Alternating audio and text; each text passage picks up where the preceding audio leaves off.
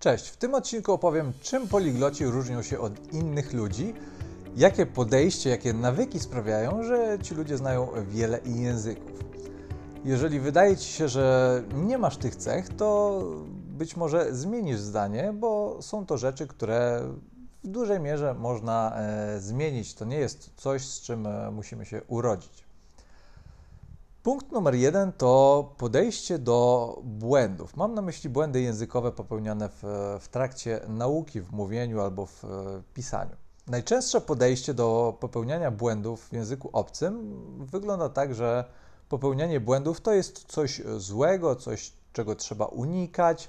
I jeżeli e, popełniamy dużo błędów językowych, to znaczy, że się do tego nie nadajemy, wstydzimy się z tego powodu, obniża się nasza samoocena i tak dalej.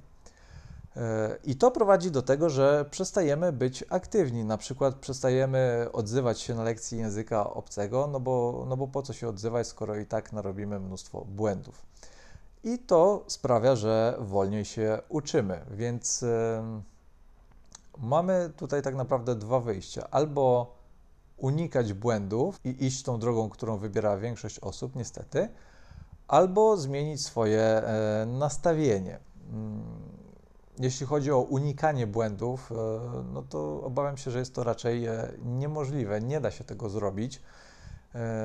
Dlatego polecam rozwiązanie numer dwa, czyli zmianę nastawienia. Dla poliglotów błąd językowy to okazja do nauczenia się czegoś nowego. Jeżeli nauczyciel poprawi takiej osobie jakiś błąd, to taki poliglota myśli sobie: o, fajnie, nie wiedziałem, zapamiętam to. I to w żaden sposób nie wpływa na, na samoocenę, nie, nie pogarsza samopoczucia takiej osoby. I takie podejście sprawia, że poligloci wręcz dążą do popełniania jeszcze większej liczby błędów, bo wiedzą, że dzięki temu będą się szybciej uczyć. Ich podejście opiera się na tym, że im więcej błędów popełnią, tym więcej się nauczą, ale warunek jest oczywiście taki, że trzeba wyciągać wnioski z tych popełnionych błędów i zapamiętywać na przyszłość, co jest poprawne, a co nie jest poprawne. Punkt numer dwa to źródło motywacji. U poliglotów motywacja zazwyczaj pochodzi z wewnątrz, natomiast u osób, które uczą się języków obcych z trudem, pochodzi zazwyczaj z zewnątrz, czyli Poliglota uczy się języków, dlatego że sam chce. Nikt go do tego nie zmusza. E, poliglota uczy się języka, dlatego że widzi w tym e, jakieś korzyści, albo po prostu sprawia mu to e, przyjemność, co też jest jakąś korzyścią emocjonalną w tym przypadku. Natomiast pozostałe osoby często uczą się języków obcych, dlatego że muszą albo czują, że powinny, bo bo w szkole trzeba się uczyć języków, bo ciężko o pracę bez znajomości angielskiego i tak dalej. I e, taka motywacja zewnętrzna mm, ma kilka wad, bo jest e, z reguły krótkotrwała i sprawia, że robimy tylko wymagane minimum po to, żeby nie ponieść jakichś negatywnych e, konsekwencji.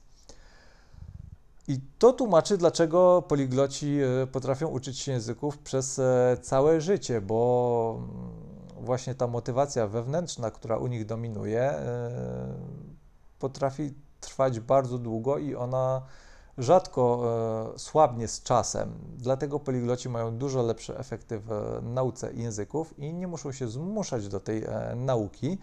I po prostu nie ma u nich czegoś takiego jak nie chce mi się. Kolejna rzecz to ciekawość.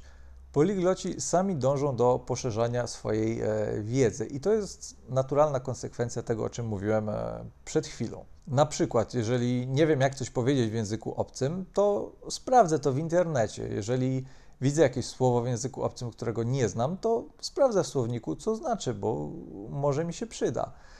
I to nie musi się odbywać w trakcie nauki, ale tak naprawdę w dowolnej sytuacji w ciągu dnia. Na przykład jesteś w sklepie, robisz e, zakupy i nie wiesz, jak nazwać w języku obcym te produkty, które codziennie kupujesz, więc wyciągasz telefon i sprawdzasz w słowniku, e, jak to powiedzieć w tym języku. Na tym to właśnie polega.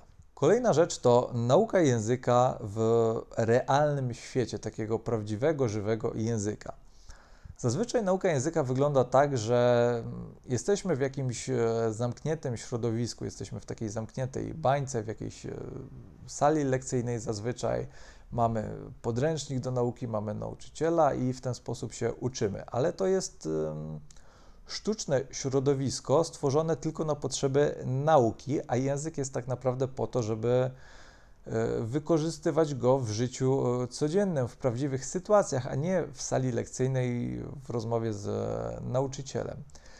I poligloci różnią się właśnie tym, że najczęściej uczą się języków w prawdziwych sytuacjach, w prawdziwym życiu, w, w podróży, w rozmowach z innymi ludźmi, w pracy, w wielu innych sytuacjach. I taka nauka jest dużo skuteczniejsza, bo zazwyczaj wiążą się z nią większe emocje. Jeżeli uczysz się w sali lekcyjnej z, z nauczycielem, to najczęściej y, jest to dla ciebie obojętna sytuacja, rzadko wywołuje to jakąś y, ekscytację.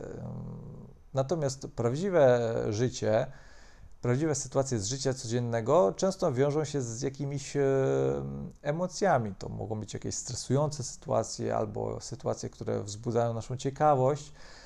I jakiekolwiek emocje sprawiają, że y, lepiej zapamiętujemy i to mogą być emocje zarówno pozytywne, jak i negatywne. Ostatnia rzecz, o której chciałbym wspomnieć, to praktyka od samego początku.